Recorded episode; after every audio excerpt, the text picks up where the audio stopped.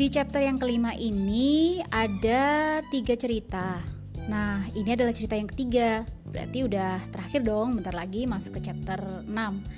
Nah, kemarin itu ada yang kasih masukan gini, Kak, itu bacanya bukan Chopin, Kak, bukan Chopin juga, tapi bacanya Chopin. Chopin, bener ya? Uh, itu musisi gitu. Oh ya, oke oke oke. Makasih ya untuk yang udah kasih masukan hmm, mulai sekarang saya bacanya Chopin gitu ya. Cuma ini ada judul yang mungkin uh, nanti salah-salah ucap. Ya kalau ada salah-salah ucap kan ada kalian juga yang bisa selalu membantu dan selalu bisa improve, improvein aku gitu loh. Kalau misalnya emang kurang, uh, kak ini pengucapannya keliru. Tolong kasih tahu ya. Terus cerita ketiganya tentang apa? Ya ditunggu. Oke. Okay.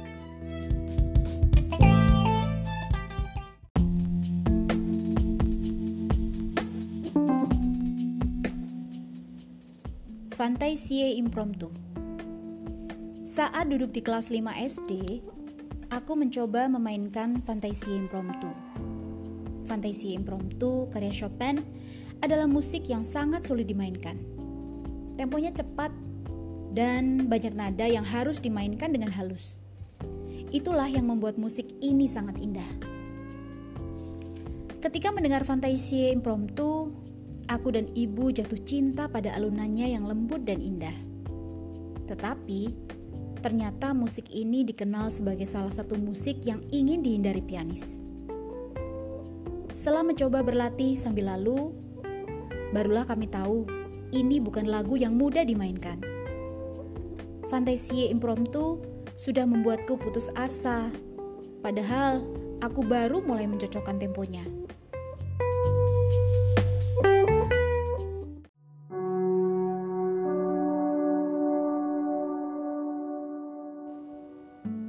Temponya salah lagi. Coba ulang. Ibu terus-menerus menyuruhku berlatih sampai aku memainkan tempo yang benar.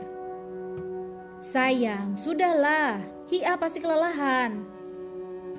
Ayah yang sudah tak tahan lagi menyahut dengan tajam.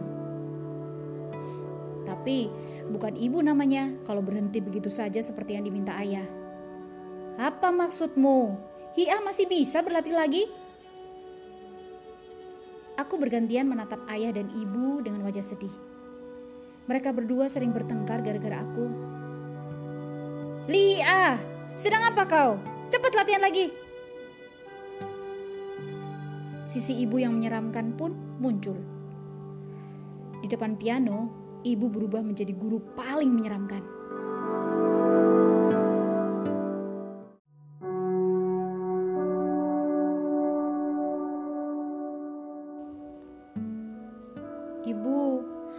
Ingin istirahat. Bagaimana kalau kita berhenti sebentar? Apa maksudmu? Fantasia Impromptu adalah lagu yang sangat sulit. Tidak cukup jika kau hanya berlatih dalam waktu sependek ini. Ayah mengernyit mendengar nada tajam ibu dan berkata, Makanya, kenapa kau menyuruhnya berlatih lagu yang sulit seperti ini? Siapa yang bilang kalau Lihiah tidak bisa memainkan lagu fantasi impromptu? Hah? Tidak ada hal yang tidak bisa dilakukannya jika dia giat berlatih.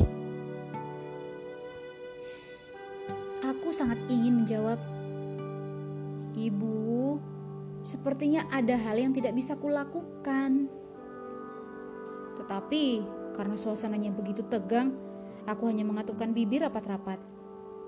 Sebagai gantinya, Aku turun dari kursi piano tanpa berkata apa pun.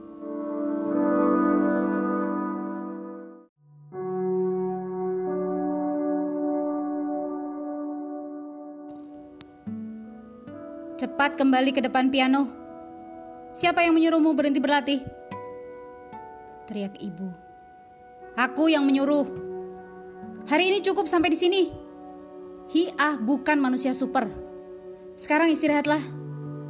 Balas ayah. Tidak bisa. Cepat duduk.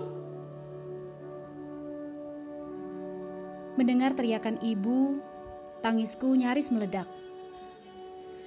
Aku tidak mengerti not musik, tempo, dan semacamnya. Ibu terus-menerus menjelaskan not musik Fantasia Impromptu. Tetapi aku kesusahan memainkan nada sesuai dengan temponya. Suatu hari, aku berlatih sembari mendapatkan pukulan tongkat sesekali. Saat itu, ayah memarahi ibu dengan raut marah.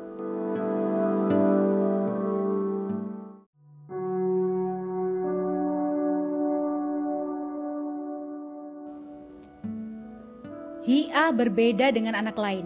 Jarinya hanya ada empat. Tolong hentikan semua ini, jangan membuat anak kita menderita. Tidak bisa.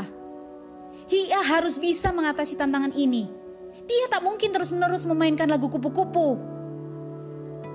Balas ibu kepada ayah dengan lantang.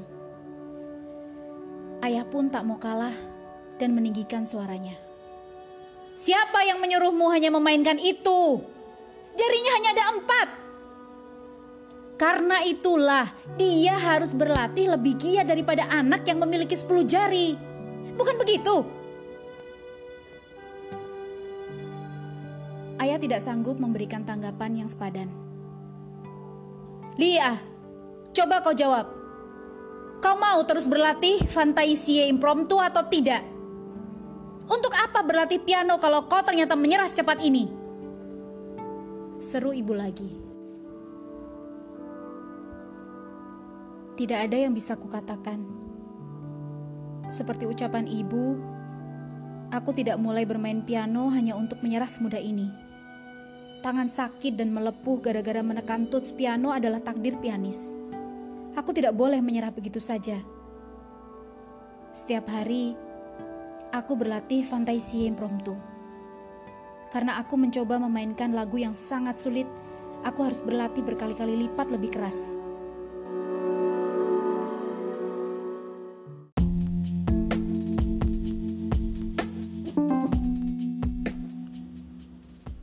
Musim dan tahun pun silih berganti.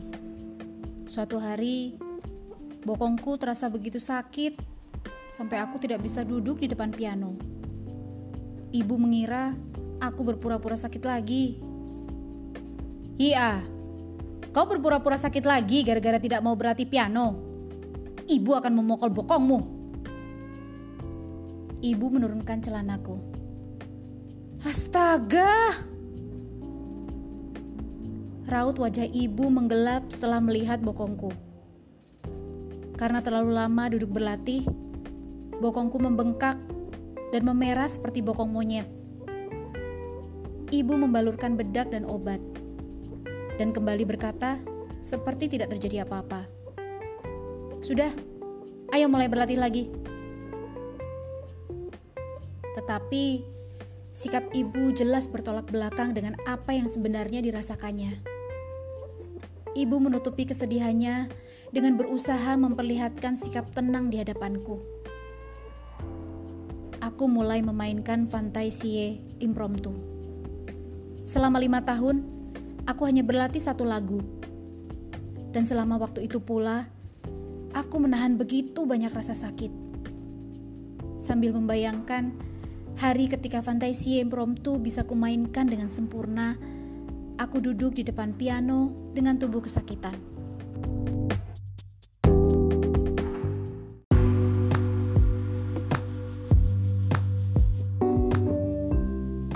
Iya, Ibu pernah menceritakan alasan ibu memilihkan nama Hiah, bukan? Iya. Jadi apa yang harus kau lakukan? Aku harus berlatih lebih giat. Karena namaku merupakan sebagian dari nama Santa Yashinta. Ibulah yang menamaiku.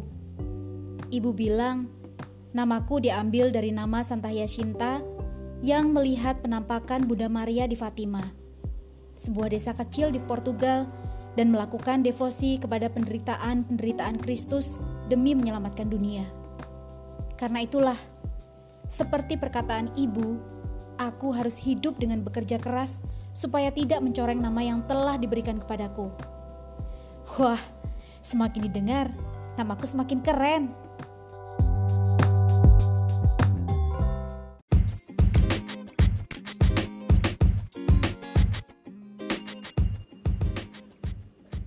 Catatan HIA tentang sikap positif. Tidak ada yang mustahil jika kita berusaha keras. Orang-orang berkata kepadaku seperti ini. Kau tidak bisa melakukannya karena jarimu hanya empat. Kau tidak bisa berjalan hanya dengan menggunakan lutut. Hah, mustahil kau bermain piano. Karena itu, aku membulatkan tekad Aku bersumpah akan membuktikan pada mereka bahwa tidak ada yang mustahil jika berusaha semaksimal mungkin. Aku bisa melakukan banyak hal meskipun hanya punya empat jari. Aku bisa bermain internet, menulis email, dan membuat homepage. Mengetik SMS di ponsel adalah hal yang sangat mudah. Aku adalah ratu jalan-jalan. Meskipun tanpa kursi roda elektrik, Meskipun tanpa kaki palsu, aku bisa berjalan ke mana saja dengan lutut. Tidak heran, orang-orang di sekitar rumah kami mengenalku. Dibandingkan apa pun, aku adalah pianis yang memberikan pertunjukan piano yang sangat bagus kepada orang-orang di dunia. Setiap tahun, aku menerima undangan dari berbagai belahan dunia yang ingin mendengar permainan pianoku. Di dunia ini, ada banyak hal yang menakjubkan.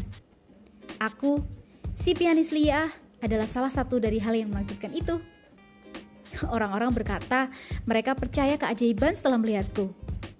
Lalu aku berkata, kerja keraslah yang membuat keajaiban ini. Cobalah lakukan yang terbaik. Semuanya pasti akan terwujud. Tidak ada yang mustahil jika kita bekerja keras.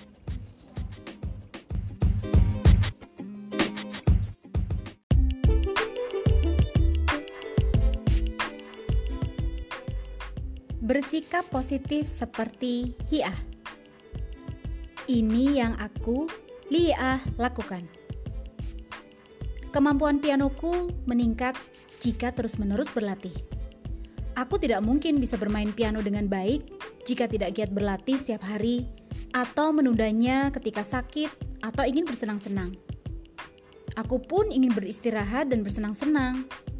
Tapi, aku menahan keinginanku itu dan tetap bermain piano. Dengan waktu yang kuhabiskan untuk giat berlatih, aku pun menjadi pianis yang bisa dibanggakan. Nah, hal tersulit apa yang pernah kalian lakukan? Bagaimana perasaan kalian saat itu? Tulis ya, apa yang kamu pikirkan?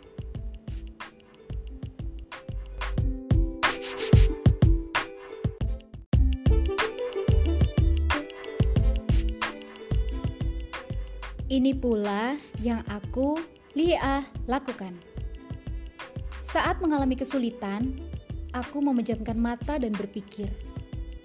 Aku percaya bahwa semakin menyakitkan dan semakin sulit suatu hal, pada akhirnya akan ada kebahagiaan dan manfaat besar yang menanti kita. Sebaliknya, aku benci jika harus membayangkan betapa aku akan sangat menyesal nanti jika menyerah. Karena itu, Aku berjanji pada diriku untuk berusaha semaksimal mungkin agar tidak menyesal di kemudian hari. Berkat itu, aku berusaha lebih giat dan akhirnya berhasil mewujudkan impianku. Nah, carilah cerita tentang orang-orang yang berhasil mewujudkan impian mereka dengan melewati masa-masa yang jauh lebih sulit dibandingkan kebanyakan orang, seperti Lia. Tulis pula nilai-nilai yang kalian temukan dalam cerita-cerita tersebut ya.